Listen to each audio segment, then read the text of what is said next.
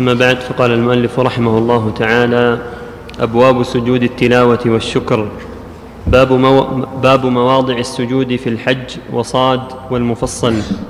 عن عمرو بن العاص أن رسول الله صلى الله عليه وآله وسلم أقرأه خمس عشرة سجدة في القرآن منها ثلاث في المفصل وفي الحج سجدتان رواه أبو داود وابن ماجه. وعن ابن مسعود أن النبي صلى الله عليه وآله وسلم قرأ والنجم فسجد فيها وسجد من كان معه غير أن شيخا من قريش أخذ كفا من حصن أو تراب فرفعه إلى جبهته وقال يكفيني هذا. قال عبد الله فلقد رأيته بعد قتل كافرا. متفق عليه. وعن ابن عباس أن النبي صلى الله عليه وآله وسلم سجد بالنجم وسجد معه المسلمون والمشركون والجن والإنس رواه البخاري والترمذي وصححه. وعن أبي هريرة قال سجدنا مع رسول الله صلى الله عليه وآله وسلم في إذا السماء انشقت واقرأ باسم ربك رواه الجماعة إلا البخاري. وعن عكرمه عن ابن عباس قال ليست صاد من عزائم السجود. ولقد رأيت النبي صلى الله عليه وآله وسلم يسجد فيها. رواه أحمد والبخاري والترمذي وصححه. وعن ابن عباس أن النبي صلى الله عليه وآله وسلم سجد في صاد وقال سجدها داود عليه السلام توبة ونسجدها شكرا. رواه النسائي. وعن أبي سعيد قال قرأ رسول الله صلى الله عليه وآله وسلم وهو على المنبر صاد. فلما بلغ السجدة نزل فسجد وسجد الناس معه. فلما كان يوم آخر قرأها فلما بلغ السجدة تشزن الناس للسجود. فقال رسول الله صلى الله عليه وآله وسلم إنما هي توبة نبي ولكني رأيتكم تشزنتم للسجود. فنزل فسجد وسجدوا رواه أبو داود.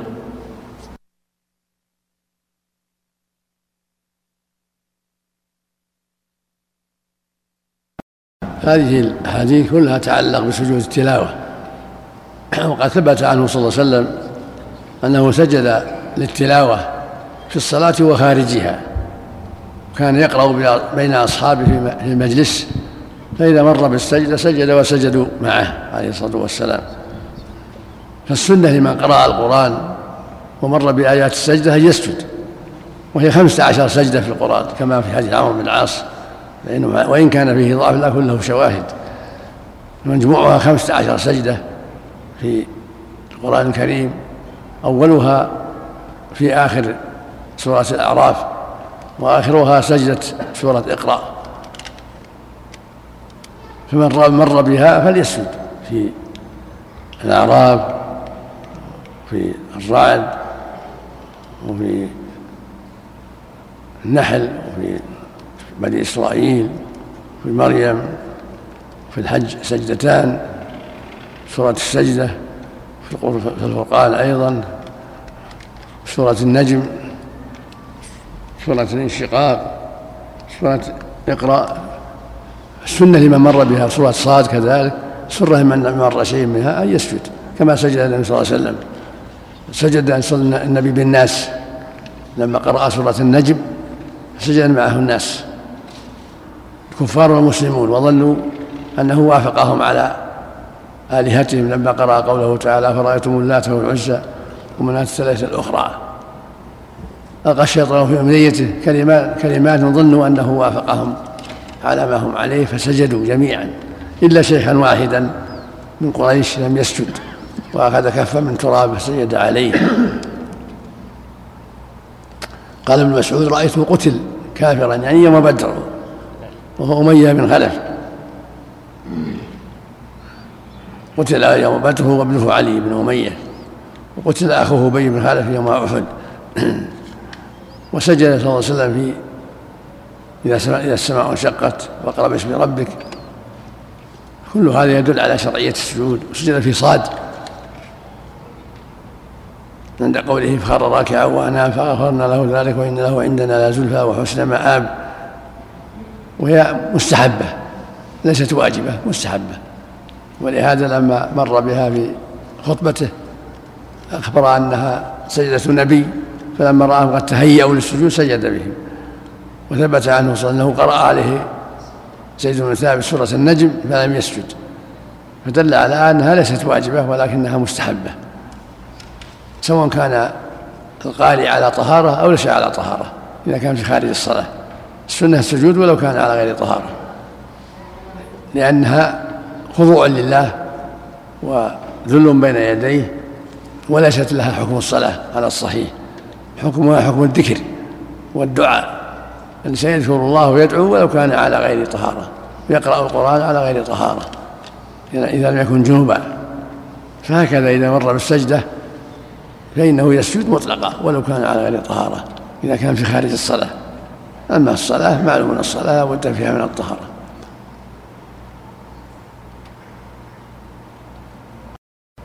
ويكبر عند السجود جاء في بعض الروايات تكبر عند السجود. وليس لها تكبير ثاني ولا ولا سلام إذا كانت خارج الصلاة. ليس لها تكبير ثاني ولا ولا سلام. أما في الصلاة فإنه يكبر عند السجود وعند النهض إذا كانت في الصلاة. يكبر عندما يسجد ويكبر عندما ينهض. لأنه صلى الله عليه وسلم كان في الصلاة يكبر في كل خفض ورفع إذا كان في داخل الصلاة يكبر في كل خفض ورفع لسجود الصلاة ولسجود التلاوة. أما خارج الصلاة فالأفضل يكبر عند السجود لأنه جاء في حديث أنه كبر عند السجود ولم يثبت أنه كبر عند الرفع في خارج الصلاة ولا أنه سلم. لأنها مجرد لأنها مجرد خضوع لله ومجرد انكسار بين يديه كالدعاء. وفق الله الجميع. نعم. يقال فيها مثل ما يقال في الصلاة سواء سبحان ربي أعلى سبحان ربي أعلى. اللهم لك سجدت بك آمنت ولك أسلمت. سجد وجهه الذي خلقه وصوره وشق سمعه بحوله قلت تبارك الله وأحسن الخالق. مثل ما يقال في الصلاة. اللهم اكتب لي بها عندك أجرا وما عندي بإجرا واجعلها لي عندك ذخرا وتقبلها مني. كما تقبلتها من عبد داود عليه السلام. ورد هذا في سجود الشجرة. نعم.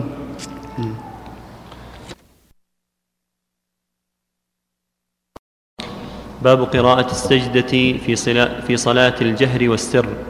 عن أبي رافع الصائغ قال صليت مع أبي هريرة العتمة فقرأ إذا السماء انشقت فسجد فيها فقلت ما هذه؟ قال سجدت بها خلف أبي القاسم صلى الله عليه وآله وسلم فما أزال أسجد فيها حتى ألقاه. متفق عليه. عن ابن عمر أن النبي صلى الله عليه وآله وسلم سجد في الركعة الأولى من صلاة الظهر فرأى أصحابه أنه قرأ تنزيل السجدة. رواه أحمد وأبو داود. ولفظه سجد, سجد في صلاة الظهر ثم قام فركع. فراينا أنه قرأ ألف لام ميم تنزيل السجدة. باب سجود المستمع إذا سجد التالي وأنه إذا لم يسجد. باب سجود المستمع إذا سجد التالي وأنه إذا لم يسجد لم يسجد. نعم. عن ابن عمر قال كان رسول الله صلى الله عليه وآله وسلم يقرأ علينا السورة فيقرأ السجدة فيسجد ونسجد معه. حتى ما يجد أحدنا مكانا لموضع جبهته متفق عليه. ولمسلم في رواية من غير صلاة. وعن عطاء بن يسار أن رجلا قرأ عند النبي صلى الله عليه وآله وسلم السجدة فسجد فسجد النبي صلى الله عليه وآله وسلم. ثم قرأ آخر عنده السجدة فلم يسجد فلم يسجد النبي صلى الله عليه وآله وسلم. فقال يا رسول الله قرأ فلان عندك السجدة فسجدت وقرأت فلم تسجد. فقال النبي صلى الله عليه وآله وسلم كنت إمامنا فلو سجدت سجدت. رواه الشافعي في مسنده هكذا مرسلا. قال البخاري وقال ابن مسعود لتميم بن حذلم وهو غلام فقرأ عليه سجدة فقال اسجد فإنك إمامنا فيها. وعن زيد بن ثابت قال قرأت على النبي صلى الله عليه وآله وسلم والنجم فلم يسجد فيها. رواه الجماعة إلا ابن ماجه ورواه الدار قطني وقال فلم يسجد منا أحد وهو حجة في أن السجود لا يجب.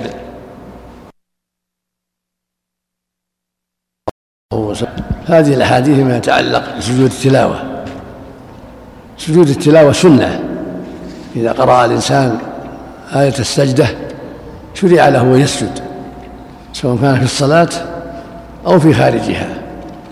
ولهذا سجد النبي صلى الله عليه وسلم في سورة تنزيل السجدة وغيرها وسجد الناس معه وسجد فيه إذا السماء انشقت وقرأ باسم ربك فسجد الناس معه.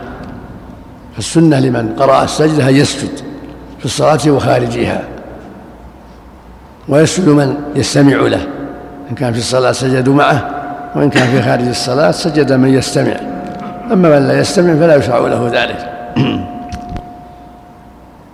لأن النبي صلى الله عليه وسلم لما سجد سجد الناس معه عليه الصلاة والسلام. ولقصة ابن مسعود مع تميم قال اسجد فإنك إمامنا. ولقصة زيد بن ثابت فإنه قرأ النبي صلى الله عليه وسلم السجدة فلم يسجد. فدل ذلك على أن القارئ إذا لم يسجد لم يسجد المستمع. ودل ذلك على أن السجدة ليست واجبة لأنها لو كانت واجبة لأمره النبي بالسجود. فلما قرأ زيد سورة النجم ولم يسجد ولم يأمره النبي بالسجود دل على عدم الوجوب. أخذ العلماء منها من ذلك أن سجود التلاوة ليس بواجب ولكنه مستحب. وأما رواية عطاء فهي مرسلة والمرسل ضعيف في كونه أمر القارئ أن يسجد لكن يؤخذ من الأدلة الأخرى السابقة. وأما رواية أنه سجد في الظهر فهي رواية ضعيفة. إنما المحفوظ السجود في الجهرية. وأما السرية فلم يحفظ أنه سجد فيها. ولا يشرع للإمام أن يسجد السرية لأن يحصل بها تلبيس على الناس. إذا سجد ظنوا أنه ساهي وترك الركوع. فالأفضل والذي ينبغي للإمام إذا سجد إذا قرأ في السرية ما في سجدة لا يسجد لئلا يشوش على الناس. إنما السجود في الجهرية لأنهم يسمعونه ويعرفون أنه سجد للتلاوة أما في الجهر في السرية فإنهم لا يعرفون ذلك. فلو سجد لحصل تشويش وظنوا أنه ساهي فنبهوه. ورواية أنه سجد في الظهر رواية ضعيفة. والله أعلم. نعم. لو اسمعها في الشريط أسجد نعم. لو اسمعها في الشريط أسجد نعم. لو اسمعها في الشريط أسجد لا لا نعم. نعم. يسمع في الشريط ما في السجود نعم.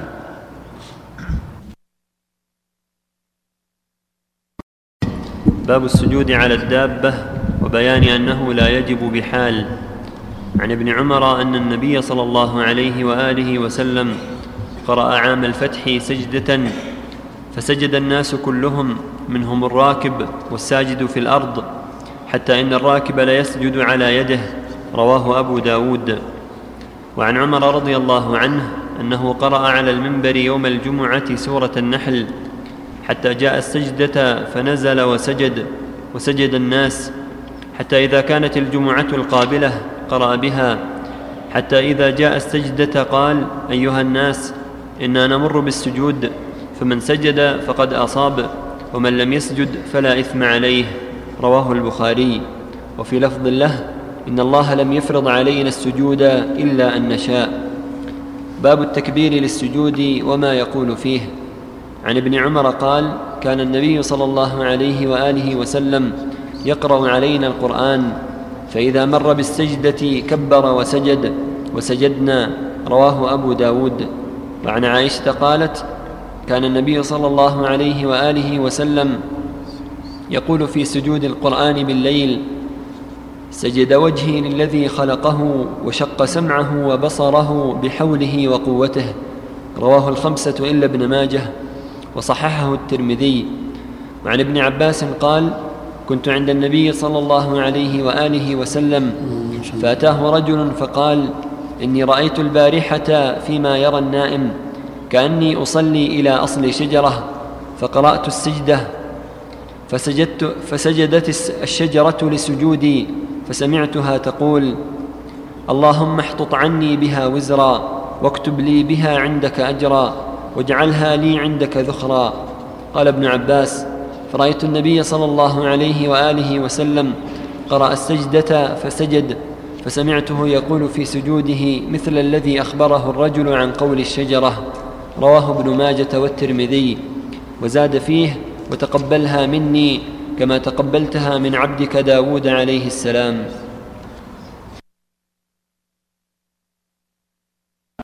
في هذه الأحاديث بيان شرعية سجود التلاوة. كما تقدم يسحب للقارئ إذا, سجد إذا قرأ سجدة التلاوة أن يسجد والمستمعون أن يسجدوا. وقد فعل ذلك النبي صلى الله عليه وسلم كان يقرأ القرآن في مجلسه فيسجد ويسجد الناس معه سجود التلاوة. فدل على شرعية سجود التلاوة أنه سنة في الصلاة وخارجها لفعله صلى الله عليه وسلم في أوقات كثيرة. وهكذا لو كان راكبا وقرأ سجد في الهواء يسجد في الهواء لو كان راكبا. كما كان يصلي النافلة على بعير في السفر ويركع ويسجد في الهواء. في النافلة في السفر على البعير. فهكذا سجود التلاوة من باب أولى. وخطب عمر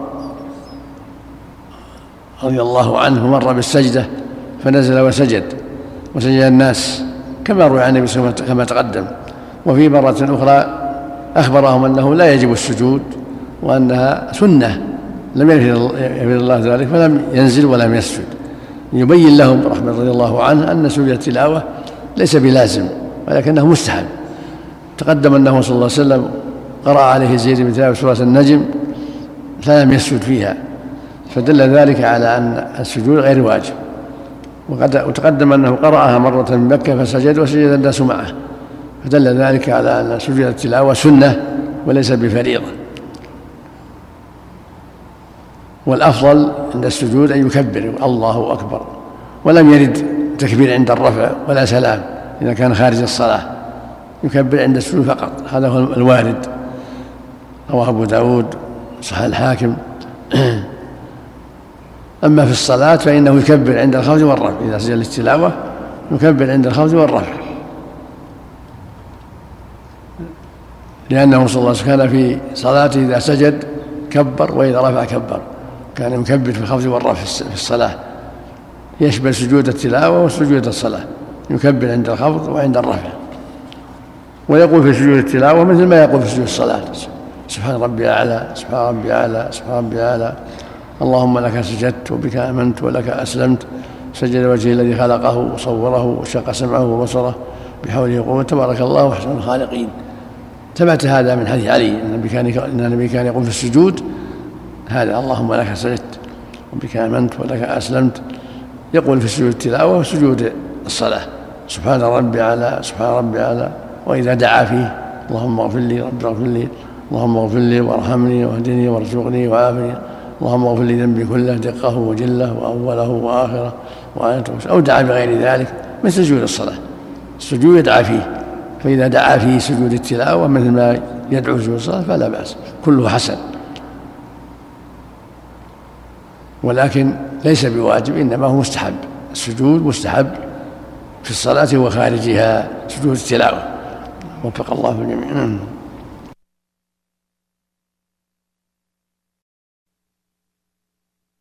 باب سجدة الشكر.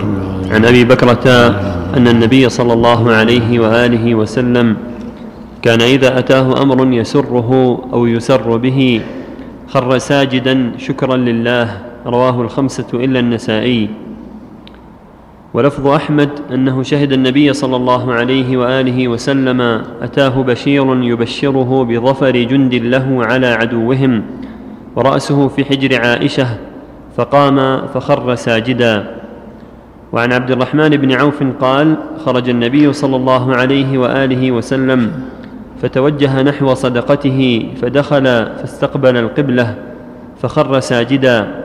فأطال السجود ثم رفع رأسه وقال إن جبريل أتاني فبشرني فقال إن الله عز وجل يقول لك من صلى عليك صليت عليه ومن سلم عليك سلمت عليه فسجدت لله شكرا رواه أحمد.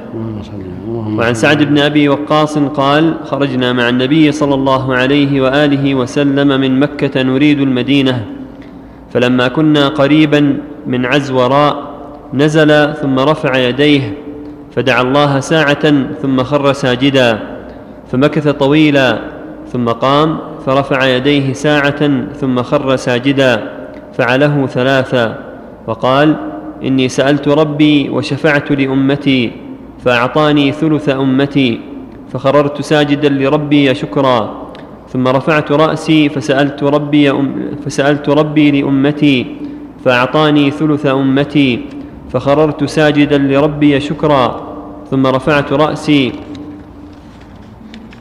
فسألت ربي لأمتي فأعطاني الثلث الآخر فخررت لربي ساجدا رواه أبو داود.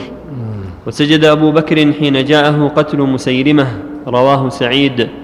وسجد علي رضي الله عنه حين وجد ذا الثدية في الخوارج رواه أحمد في مسنده. وسجد كعب بن مالك في عهد النبي صلى الله عليه وآله وسلم لما بشر بتوبة الله عليه وقصته متفق عليها. فهذه الأحاديث والآثار كلها في سجود الشكر كلها يشد بعضها بعضا ويشهد بعضها لبعض وهي تدل على شرعية سجود الشكر. إذا بشر الإنسان بأمر يسره فإنه يستحب له السجود. مثل سجود الصلاة ومثل سجود التلاوة. لا يشترط له الطهارة مثل سجود التلاوة لأنه يأتي على حالات ليس بمستعد فهو خضوع لله مثل سجود التلاوة.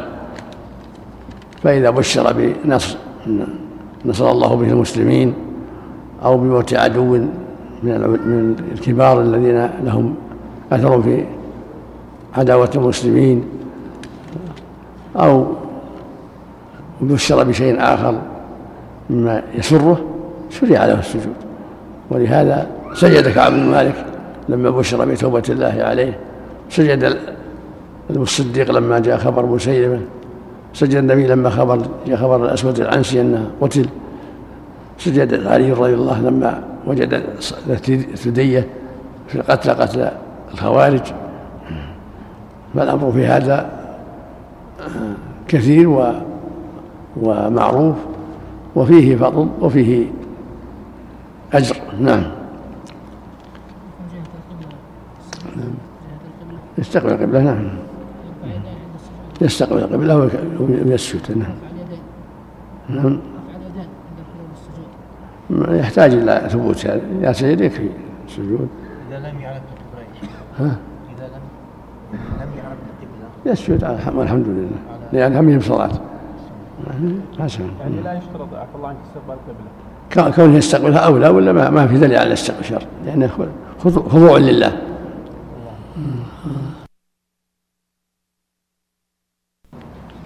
أبواب سجود السهو. باب ما جاء في من سلم من نقصان. عن ابن سيرين عن أبي هريرة رضي الله عنه قال صلى بنا رسول الله صلى الله عليه وآله وسلم إحدى صلاتي العشي فصلى ركعتين ثم سلم فقام إلى خشبة معروضة في المسجد فاتكأ عليها كأنه غضبان ووضع يده اليمنى على اليسرى وشبك بين أصابعه ووضع خده الأيمن على ظهر كفه اليسرى وخرجت السرعان من أبواب المسجد فقالوا قصرت الصلاة. وفي القوم أبو بكر وعمر فهاباه أن يكلماه وفي القوم رجل يقال له ذو اليدين فقال يا رسول الله أنسيت أم قصرت الصلاة؟ فقال لم أنس ولم تقصر. فقال أكما يقول ذو اليدين؟ فقالوا نعم. فتقدم فصلى ما ترك ثم سلم ثم كبر وسجد مثل سجوده أو أطول ثم رفع رأسه وكبر ثم كبر وسجد مثل سجوده أو أطول ثم رفع رأسه وكبر فربما سألوه ثم سلم فيقول أنبئت أن عمران بن حسين قال ثم سلم متفق عليه. وليس لمسلم فيه وضع اليد على اليد ولا التشبيك. وفي رواية قال بينما أنا أصلي مع النبي صلى الله عليه وآله وسلم صلاة الظهر سلم من ركعتين فقام رجل من بني سليم فقال يا رسول الله أقصرت الصلاة أم نسيت؟ وساق الحديث رواه أحمد ومسلم وهذا يدل على أن القصة كانت بحضرته وبعد إسلامه. وفي رواية متفق عليها لما قال لم انسى ولم تقصر قال بلى قد نسيت. وهذا يدل على أن ذا اليدين تكلم بعدما علم عدم النسخ كلاما ليس بجواب سؤال. وعن عمران بن حسين أن رسول الله صلى الله عليه وآله وسلم صلى العصر فسلم في ثلاث ركعات ثم دخل منزله وفي لفظ فدخل الحجرة فقام إليه رجل يقال له الخرباق وكان في يده طول فقال يا رسول الله فذكر له صنيعة فخرج غضبان يجر رداءه حتى انتهى إلى الناس فقال أصدق هذا؟ قالوا نعم. فصلى ركعة ثم سلم ثم سجد سجدتين ثم سلم. رواه الجماعة إلا البخاري والترمذي. وعن عطاء أن ابن الزبير صلى المغرب فسلم في ركعتين فنهض ليستلم الحجر فسبح القوم. فقال ما شأنكم؟ قال فصلى ما بقي وسجد سجدتين. قال فذكر ذلك لابن عباس فقال ما أماط عن سنة نبيه صلى الله عليه وآله وسلم. رواه أحمد. هذه الأحاديث كلها تتعلق بالسهو. إذا سلم عن نقص حديث أبي هريرة حديث عمران بن حسين حديث ابن عباس في قصة ابن الزبير كلها تدل على حكم ما إذا سلم الإنسان عن نقص ماذا يفعل؟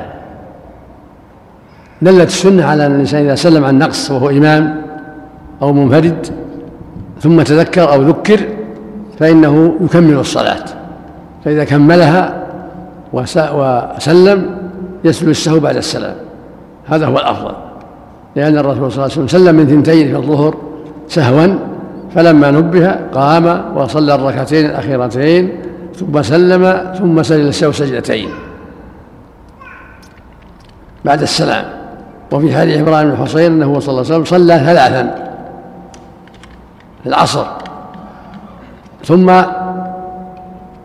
قام إلى بعض حجر النساء فنبه أن أن الصلاة ناقصة وأنه سهى فرجع وكملها صلى ركعة ثم سلم ثم سجد سجدتين. وفي حديث ابن الزبير أنه سلم من ثنتين في المغرب فنبه أنه ترك ركعة فكملها وسجد السهو فقال ابن عباس ما أنهط عن السنة بل وافق السنة. فهذا كله يدلنا على أن الساهي سواء كان إماما أو منفردا إذا سلم عن نقص فإنه يكمل إذا تذكر أو ذكر يكمل الصلاة الصلاة الصحيحة إذا ما طال الفصل. إذا يكون الفصل قد طال فإنه يكملها وإذا سلم سجد للسهو بعد السلام هذا هو الأفضل. يكون سجوده بعد السلام. وإن سجد قبل السلام أجزأ لكن بعد السلام أفضل تأسم بالنبي صلى الله عليه وسلم. وفي تشبيكه ليديه بعد السلام ما يدل على أنه لا بأس بتشبيك الأصابع بعد السلام بعد الصلاة. إنما يكره ذلك قبل الصلاة في طريقه إلى الصلاة وفي انتظاره الصلاة لا يشبك بين أصابعه هذه السنة.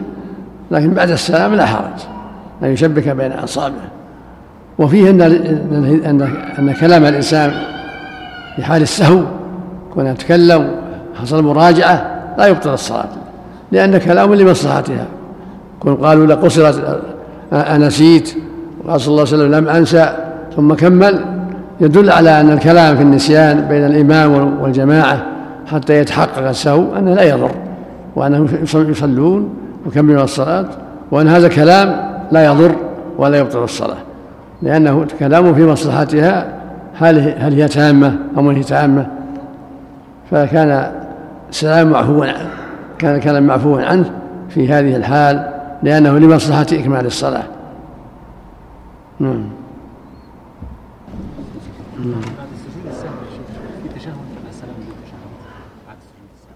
ما في تشهد ما في تشهد. سجود بدون الشهوة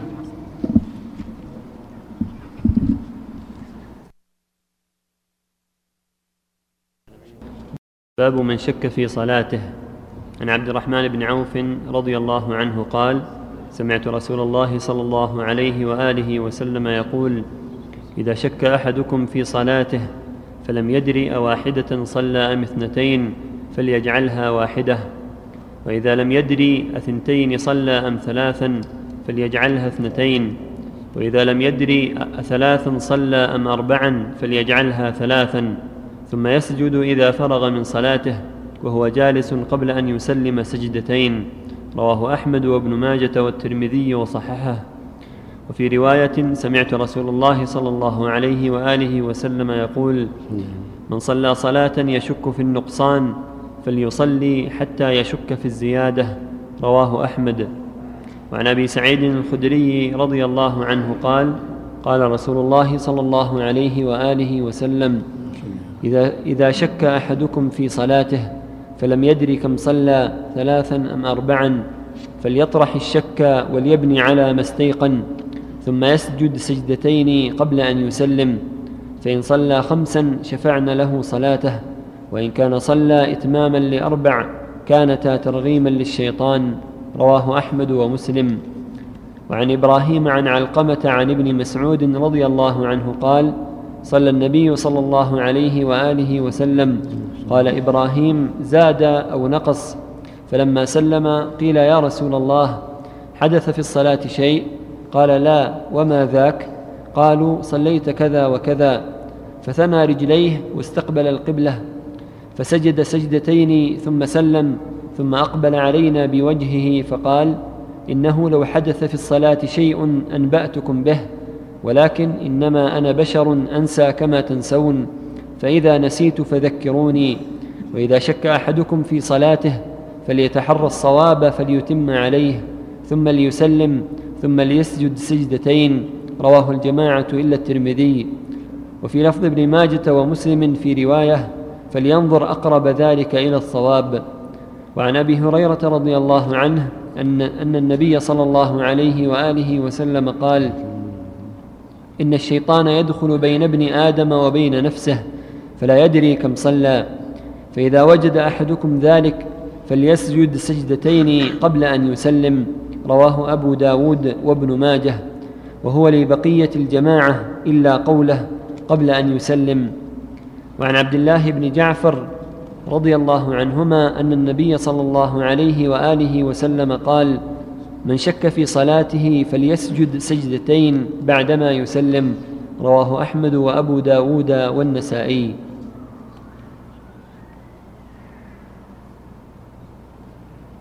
باب أن من نسي التشهد الأول حتى انتصب قائما لم يرجع. هذه الأحاديث تتعلق بالسهو. تقدم جملة في ذلك.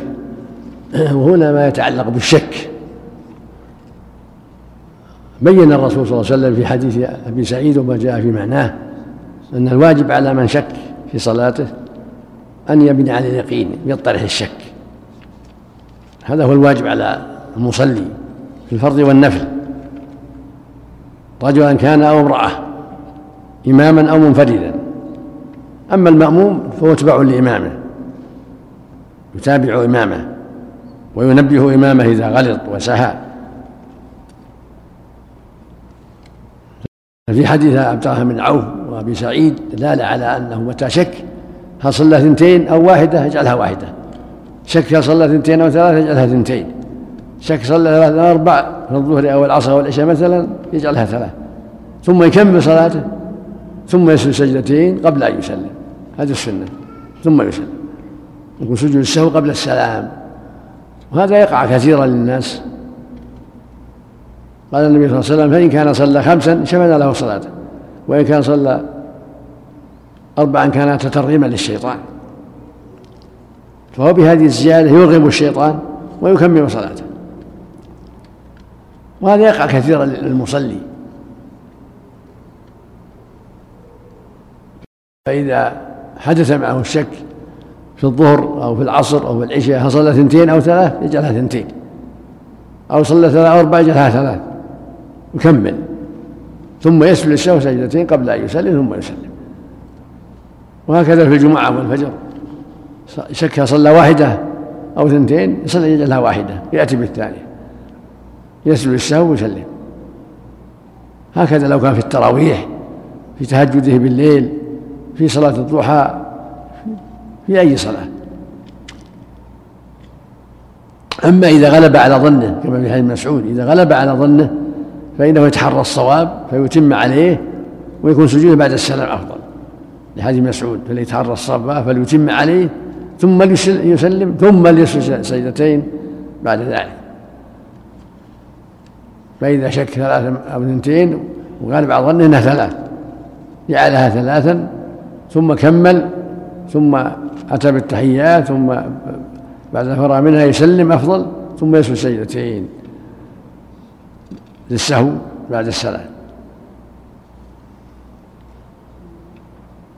فالسجود للسهو بعد السلام في حالين. إحداهما إذا بدأ على غالب ظنه كمل الصلاة ثم سجد للسهو بعد السلام. والحال الثاني إذا سلم عن نقص سلم عن نقص ركعتين أو نقص ركعة ثم نبه أو تنبه كمل صلاته وسلم ثم سجد للسهو بعد السلام. هذا أفضل. يكون سجوده بعد السلام أفضل في هاتين الحالتين.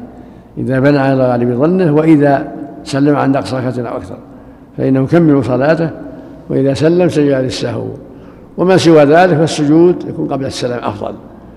وبكل حال سجود السهو سواء كان قبل السلام أو بعد السلام كله مجزي. ولكنه أفضل قبل السلام إلا في الحالتين إذا سلم عن نقص ركعة أو أكثر وفيما إذا بنى على غالب ظنه. وفق الله الجميع نعم. نعم. قوله صلى الله عليه وسلم شفعنا صلاة. صلاة شفع يعني. كان صلى خمسة شفعنا صلاة سادسة شفع شفعا لها. نعم. سيسوي بما ثبت ركعة سادسة. بما ثبت ركعة سادسة في الرباعية. نعم.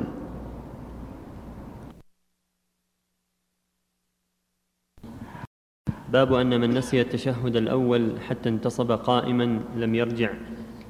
عن ابن بحينة أن النبي صلى الله عليه وآله وسلم صلى فقام في الركعتين فسبحوا به فمضى.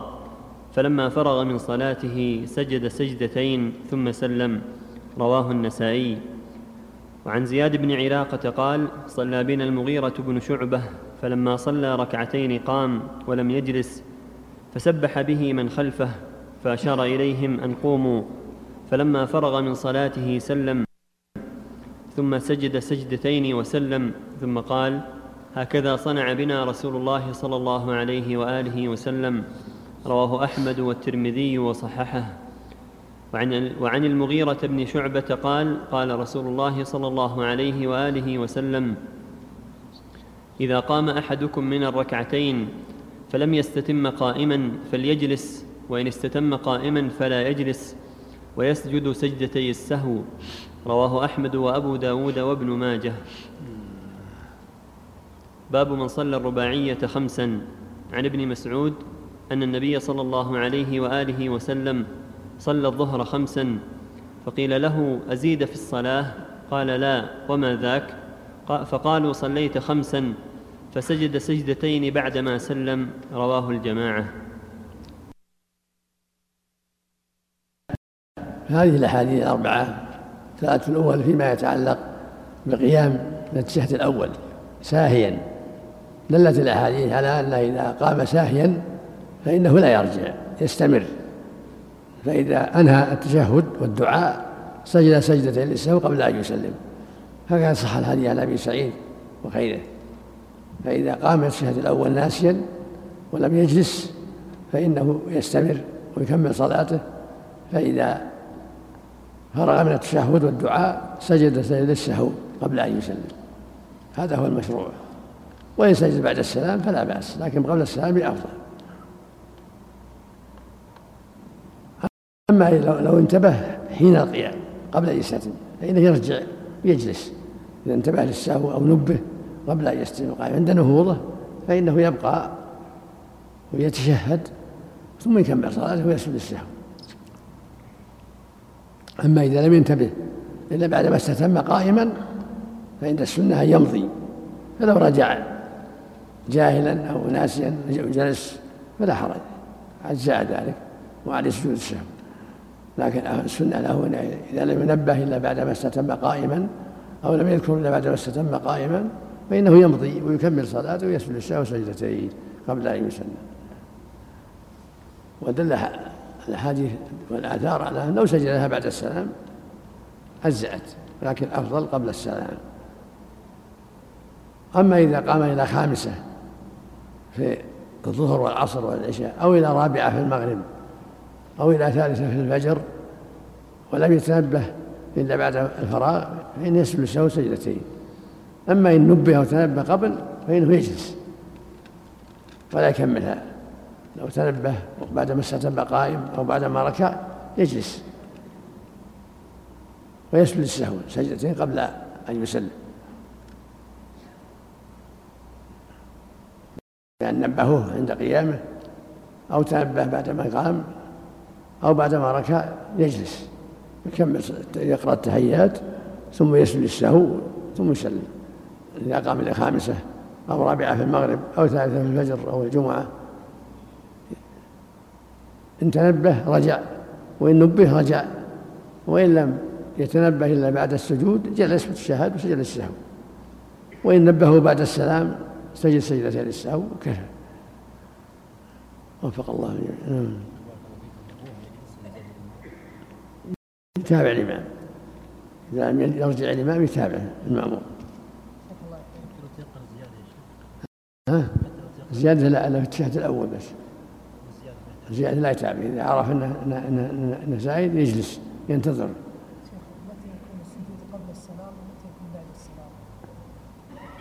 السجود قبل السلام إلا في حالتين. هذا الأفضل. قبل السلام في إلا في حالتين. حالة إذا سلم عن نقص ركعة أو أكثر هذا كمل مثل السهو بعد السلام. والحالة الثانية إذا بنى على غالب ظنه. إذا بنى على غالب ظنه تمم الصلاة وسلم ثم سجد السهو والبقية قبل السلام. هذا هو الأفضل.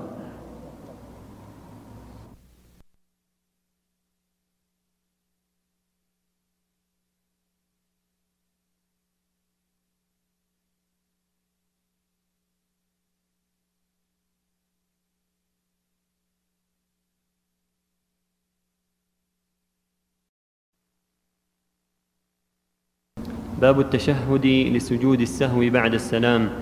عن عمران بن حسين أن النبي صلى الله عليه وآله وسلم صلى بهم فسهى فسجد سجدتين ثم تشهد ثم سلم. رواه أبو داود والترمذي. أبواب صلاة الجماعة. باب وجوبها والحث عليها. عن أبي هريرة قال قال رسول الله صلى الله عليه وآله وسلم أثقل صلاة على المنافقين صلاة العشاء وصلاة الفجر ولو يعلمون ما فيهما لأتوهما ولو حبوا. ولقد هممت أن آمر بالصلاة فتقام ثم آمر رجلا فيصلي بالناس ثم أنطلق معي برجال معهم حزم من حطب إلى قوم لا يشهدون الصلاة فاحرق عليهم بيوتهم بالنار. متفق عليه. ولأحمد عن أبي هريرة عن النبي صلى الله عليه وآله وسلم قال لولا ما في البيوت من النساء والذرية أقمت صلاة العشاء وأمرت فتياني يحرقون ما في البيوت بالنار. وعن أبي هريرة أن رجلا أعمى قال يا رسول الله ليس لي قائد يقودني إلى المسجد.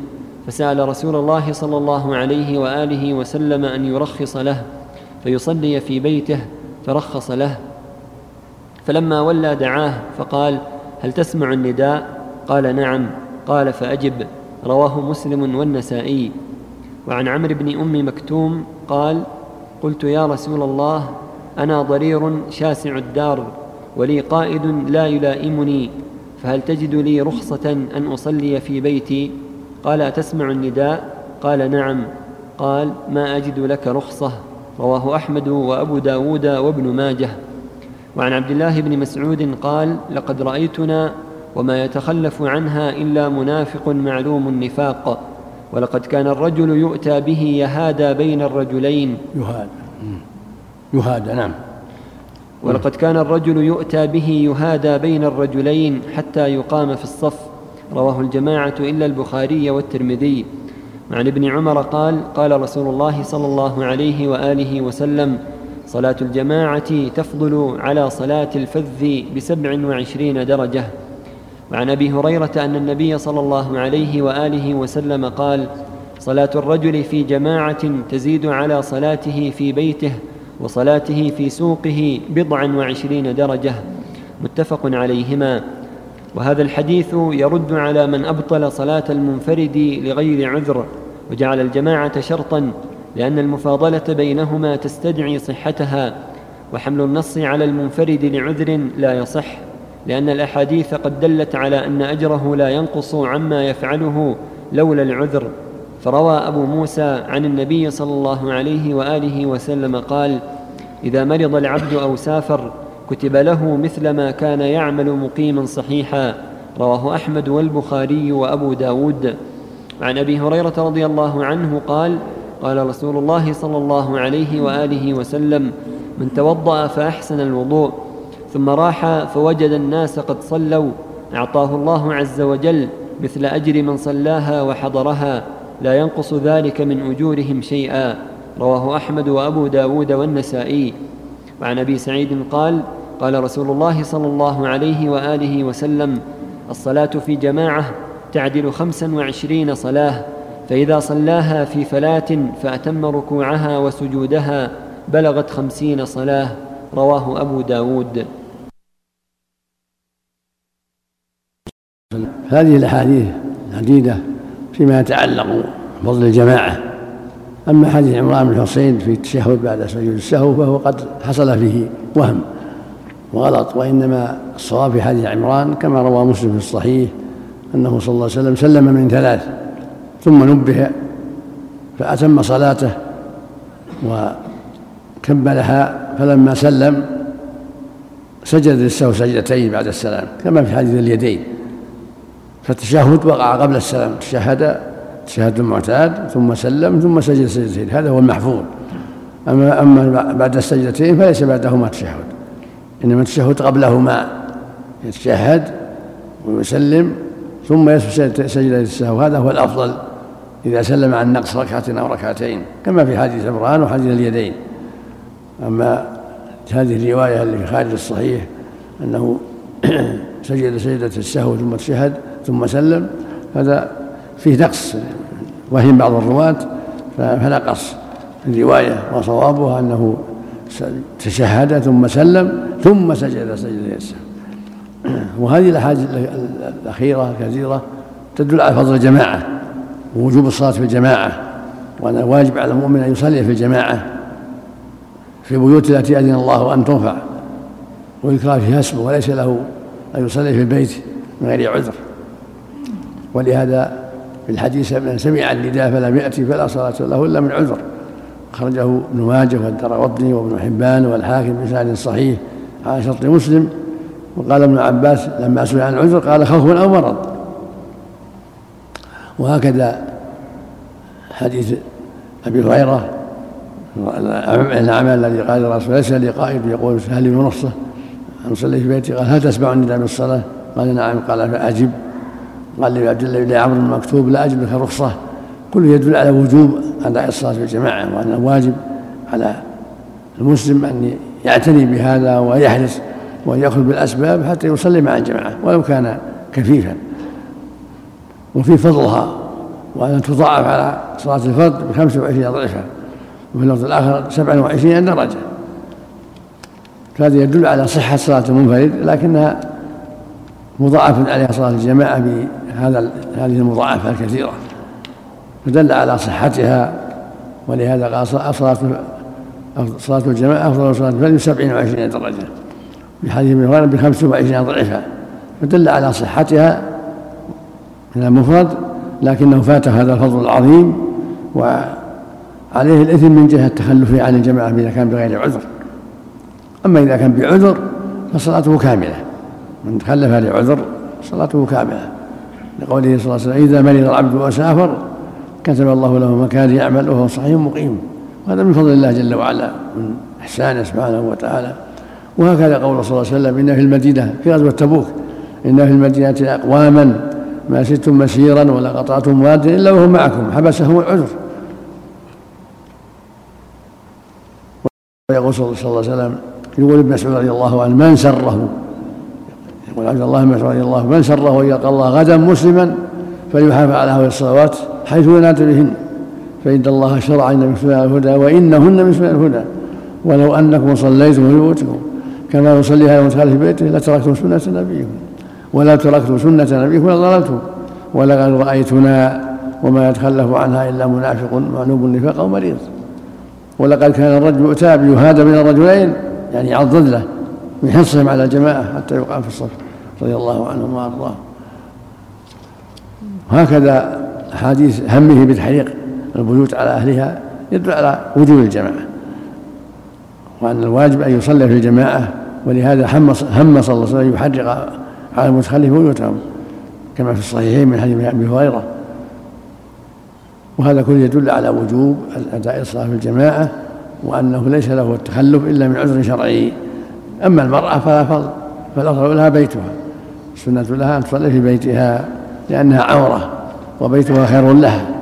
وإن صلت مع الجماعة أجزأت وصحت لكن بيتها خير لها. كما قال صلى الله عليه وسلم لا تمنعوا إيمان الله مساجد الله وبيوتهن خير لهن. وفق الله الجميع. نعم.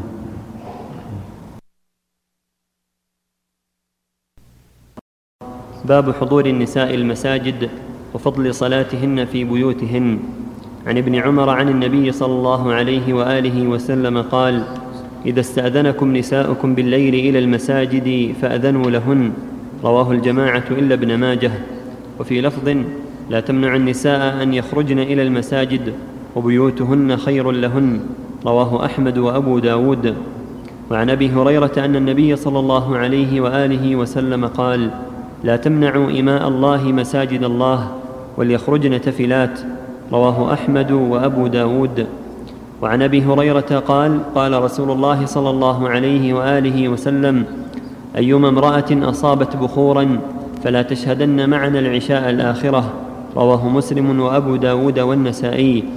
وعن أم سلمة أن رسول الله صلى الله عليه وآله وسلم قال خير مساجد النساء قعر بيوتهن. رواه أحمد. وعن يحيى بن سعيد عن عمرة عن عائشة قالت لو أن رسول الله صلى الله عليه وآله وسلم رأى من النساء ما رأينا لمنعهن من المسجد كما منعت بنو إسرائيل نساءها. قلت لعمرة ومنعت بنو إسرائيل نساءها؟ قالت نعم. متفق عليه.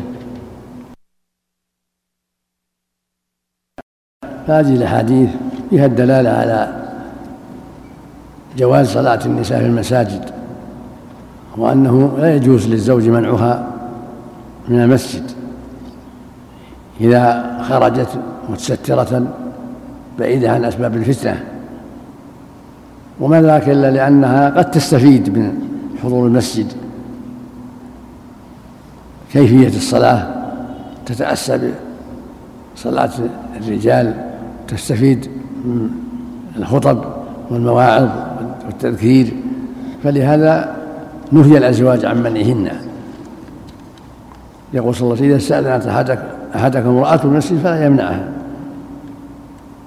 اللفظ الآخر لا تمنعوا إيماء الله مساجد الله وليخرجن تفيلات ويقول صلى الله عليه وسلم أيما امرأة صنعت بخورا فلا سمع عن العشاء أخرجه مسلم في الصحيح. فإذا التزمت بالآداب الشرعية تستر وعدم الطيب فلا تمنع. وكان النساء والأنصار يحضرن مع النبي صلى الله عليه وسلم صلاة الفجر وهن متنفعات متسترات. لكن بيوتهن خير لهن لأنها أورى فتنة بيتها خير لها. لكن إذا خرجت للمصلحة فلا بأس.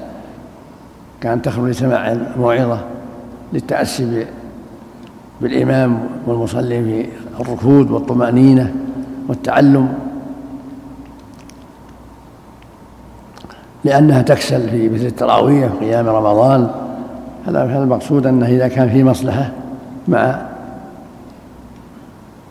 زوال المضرة فلا يمنعها.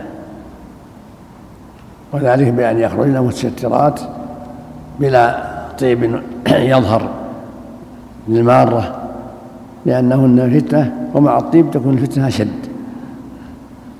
ولهذا قال أي قال صلى الله عليه وسلم أي امرأة صلت بخورا فلا تسل معنا العشاء لأن البخور يظهر إذا مر في الطرق ريحه قوي يخرج يظهر يتبين وهكذا أنواع الأطياب التي لها رائحة بينة.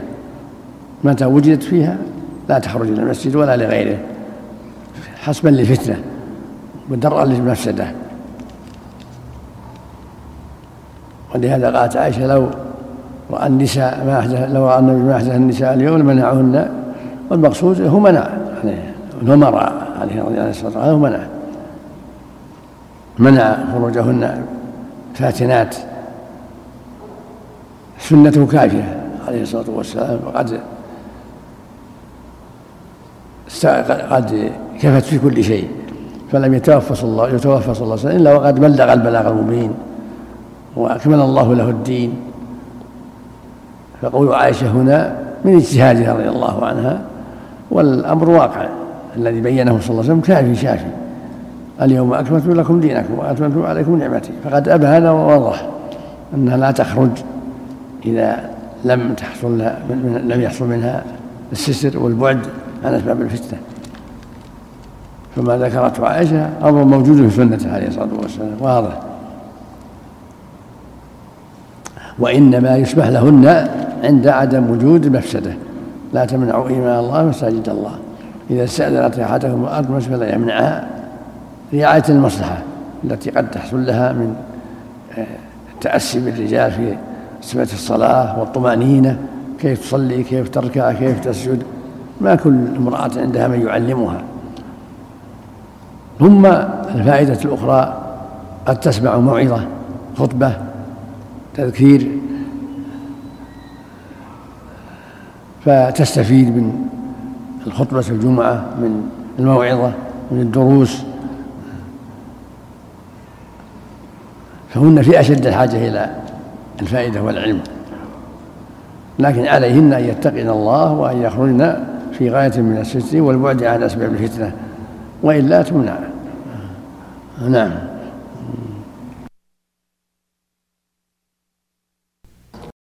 باب فضل المسجد الأبعد والكثير الجمع. عن أبي موسى قال قال رسول الله صلى الله عليه وآله وسلم إن أعظم الناس في الصلاة أجرا أبعدهم إليها ممشى. رواه مسلم. وعن أبي هريرة قال قال رسول الله صلى الله عليه وسلم الأبعد فالأبعد من المسجد أعظم أجرا. رواه أحمد وأبو داود وابن ماجه.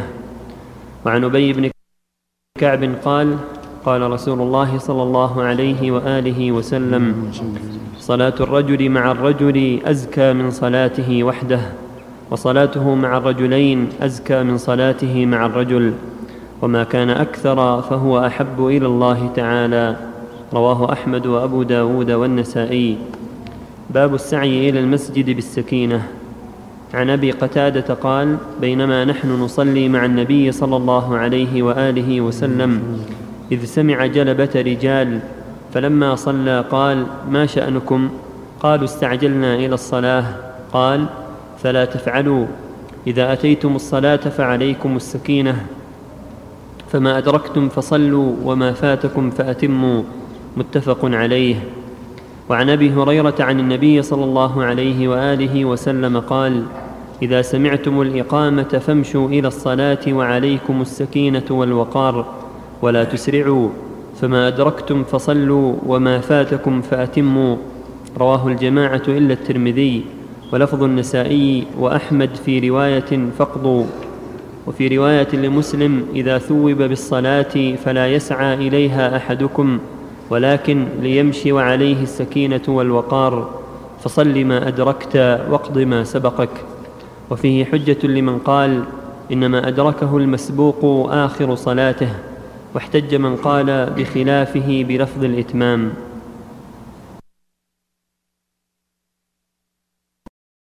هذه الأحاديث فيها الحث على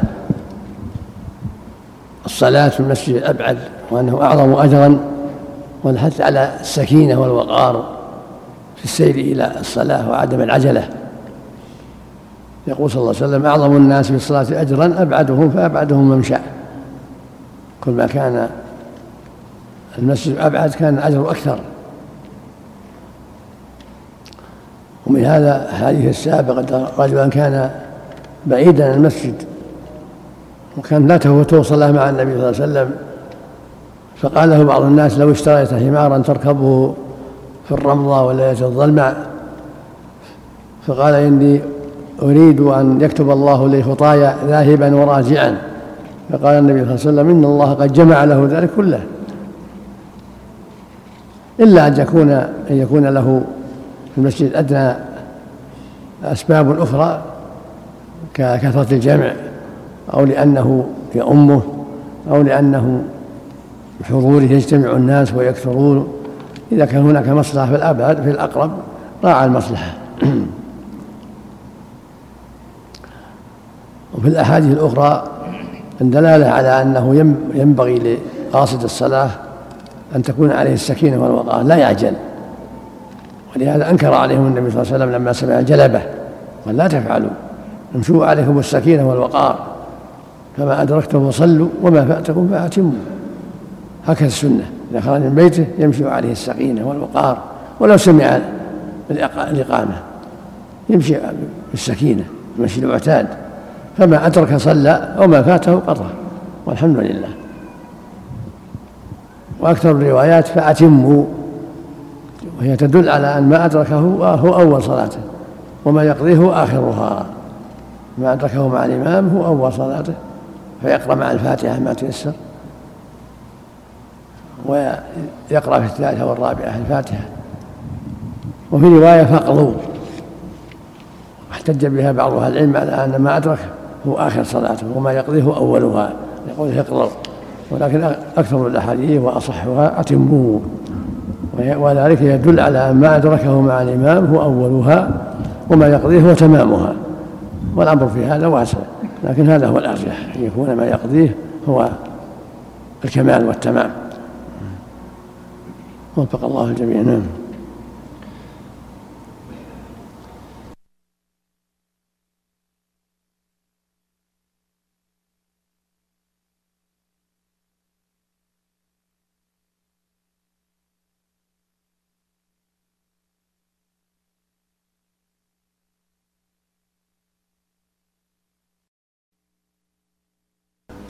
باب ما يؤمر به الإمام من التخفيف. عن أبي هريرة رضي الله عنه أن النبي صلى الله عليه وآله وسلم قال إذا صلى أحدكم للناس فليخفف فإن فيهم الضعيف والسقيم والكبير فإذا صلى لنفسه فليطول ما شاء. رواه الجماعة إلا ابن ماجه لكنه له من حديث عثمان بن أبي العاص. وعن أنس رضي الله عنه قال كان النبي صلى الله عليه وآله وسلم يوجز, يوجز الصلاة ويكملها. وفي رواية ما صليت خلف إمام قط أخف صلاة ولا أتم صلاة من النبي صلى الله عليه وآله وسلم. متفق عليهما.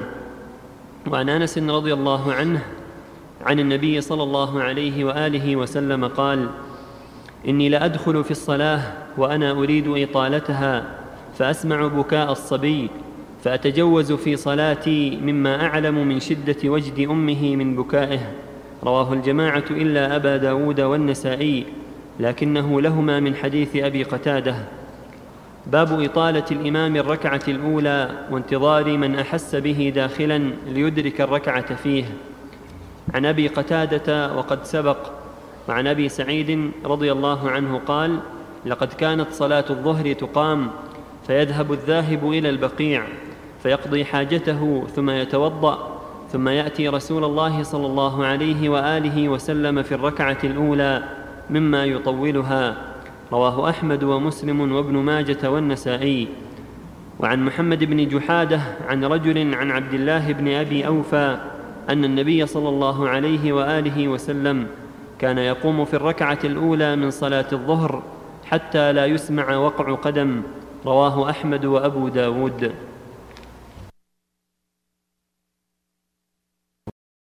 هذه الأحاديث كلها تعلق بالعناية بالصلاة وعدم التساهل بها والعناية بالمأمومين والرحمة لهم والرافة بهم وأن صلاته صلى الله عليه وسلم كانت إيجازا في تمام. ولهذا قال أنس رضي الله عنه ما صليت خلف إمام أتم صلاة ولا أخف صلاة من النبي صلى الله عليه وسلم. يعني أن صلاته كانت تماما في تخفيف ليس فيها طول يشق على الناس وكان يطول في الركعة الأولى ويقصر في الثانية كما جاء في حديث أبي قتادة. أما حديث حتى لا يسمع قرع قدم هو حديث ضعيف لأن فيه رجل مفهم. لكن الأحاديث ثابتة في أن كان يطول الأولى أكثر من الثانية حتى يتلاحق الناس يتلاحق الناس لإدراك الركعة الأولى. فالسنة للإمام أن تكون الأولى أطول في الظهر والعصر والمغرب والعشاء والفجر. حتى يتلحق الناس وحتى يتمكنوا من إدراك الركعة الأولى. لكن طول لا يشق على الناس طول يشابه فعله صلى الله عليه وسلم من غير مشقة على الناس. وهذا من باب الرحمة والرأفة والعناية بالمأمومين على وجه لا يشق على المتقدمين السابقين. نعم. باب وجوب متابعة الإمام والنهي عن مسابقته. عن أبي هريرة رضي الله عنه أن رسول الله صلى الله عليه وآله وسلم قال إنما جعل الإمام ليؤتم به فلا تختلفوا عليه. فإذا كبر فكبروا وإذا ركع فاركعوا وإذا قال سمع الله لمن حمده فقولوا اللهم ربنا لك الحمد وإذا سجد فاسجدوا. وإذا صلى قاعدا فصلوا قعودا أجمعون متفق عليه. وفي لفظ إنما الإمام ليؤتم به فإذا كبر فكبروا ولا تكبروا حتى يكبر وإذا ركع فاركعوا ولا تركعوا حتى يركع وإذا سجد فاسجدوا ولا تسجدوا حتى يسجد. رواه أحمد وأبو داود. وعن أبي هريرة رضي الله عنه قال قال رسول الله صلى الله عليه وآله وسلم أما يخشى أحدكم إذا رفع رأسه قبل الإمام أن يحول الله رأسه رأس حمار أو يحول الله صورته صورة حمار؟ رواه الجماعة. وعن أنس رضي الله عنه قال قال رسول الله صلى الله عليه وآله وسلم أيها الناس إني إمامكم فلا تسبقوني بالركوع ولا بالسجود ولا بالقيام ولا بالقعود ولا بالانصراف. رواه أحمد ومسلم. وعنه أن النبي صلى الله عليه وآله وسلم قال إنما جعل الإمام ليؤتم به فلا تركعوا حتى يركع ولا ترفعوا حتى يرفع. رواه البخاري. هذه الأحاديث الأربعة وما جاء في معناها كلها تتعلق بوجوب متابعة الإمام وتحريم مسابقته والنهي عن موافقته أيضا. فإن الواجب هو الاقتداء بالإمام وعدم مسابقته وعدم موافقته بل يكون بعده. فإن المأموم له مع الإمام ثلاث حالات المسابقة والموافقة والمتابعة بعده والمشروع هو المتابعة. لا يسابق ولا يوافق بل بعده. فمتابعته واجبة ومسابقته محرمة وموافقته أقل أحوالها كراهة. ولهذا قال عليه الصلاة والسلام إنما جعل الإمام ليؤتم به. يعني يأتم به المأموم ويقتدي به. فإذا كبر فكبروا ولا تكبروا حتى يكبر. وإذا ركع فاركعوا ولا تركعوا حتى أركع. وإذا صلى قائما فصلوا قياما. وإذا صلى قاعدا فصلوا قعودا أجمعون. لفظ الآخر إنما جعل الإمام ليؤتم فلا تختلفوا عليه. إذا كبر فكبروا. وإذا ركع فاركعوا. وإذا سجد فاسجدوا الحديث. هذا هو الواجب أن يكون مأموم تبعا له. بالاتصال يعني متابعة متصلة. إذا كبر كبر بعده في الحال لا يتأخر. وإذا ركع ركع بعده في الحال. ولهذا أتى بالفاء المقتضية للترتيب بالاتصال. إذا كبر فكبروا وإذا ركع فاركعوا. وإذا قال سمع فقولوا ربنا ولك الحمد. فالمأموم يتابعه متصلا لا متأخرا. لكن لا يكون معه ولا يكون قبله بل يكون بعده متصلا. فإذا قال الله أكبر يقول المأموم الله أكبر وإذا ركع واستوى راكعا ركع المأموم. وإذا رفع واستوى مرتفعا ارتفع المأموم. وإذا سجد واستوى وانقطع صوته تابعه المأموم وهكذا.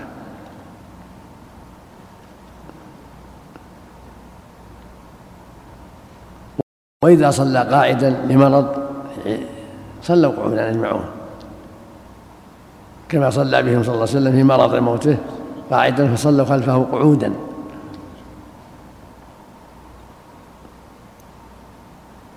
ويجوز أن يصلوا قياما لأنه في إحدى صلاته في مرضه صلى قاعدا وصلوا قياما.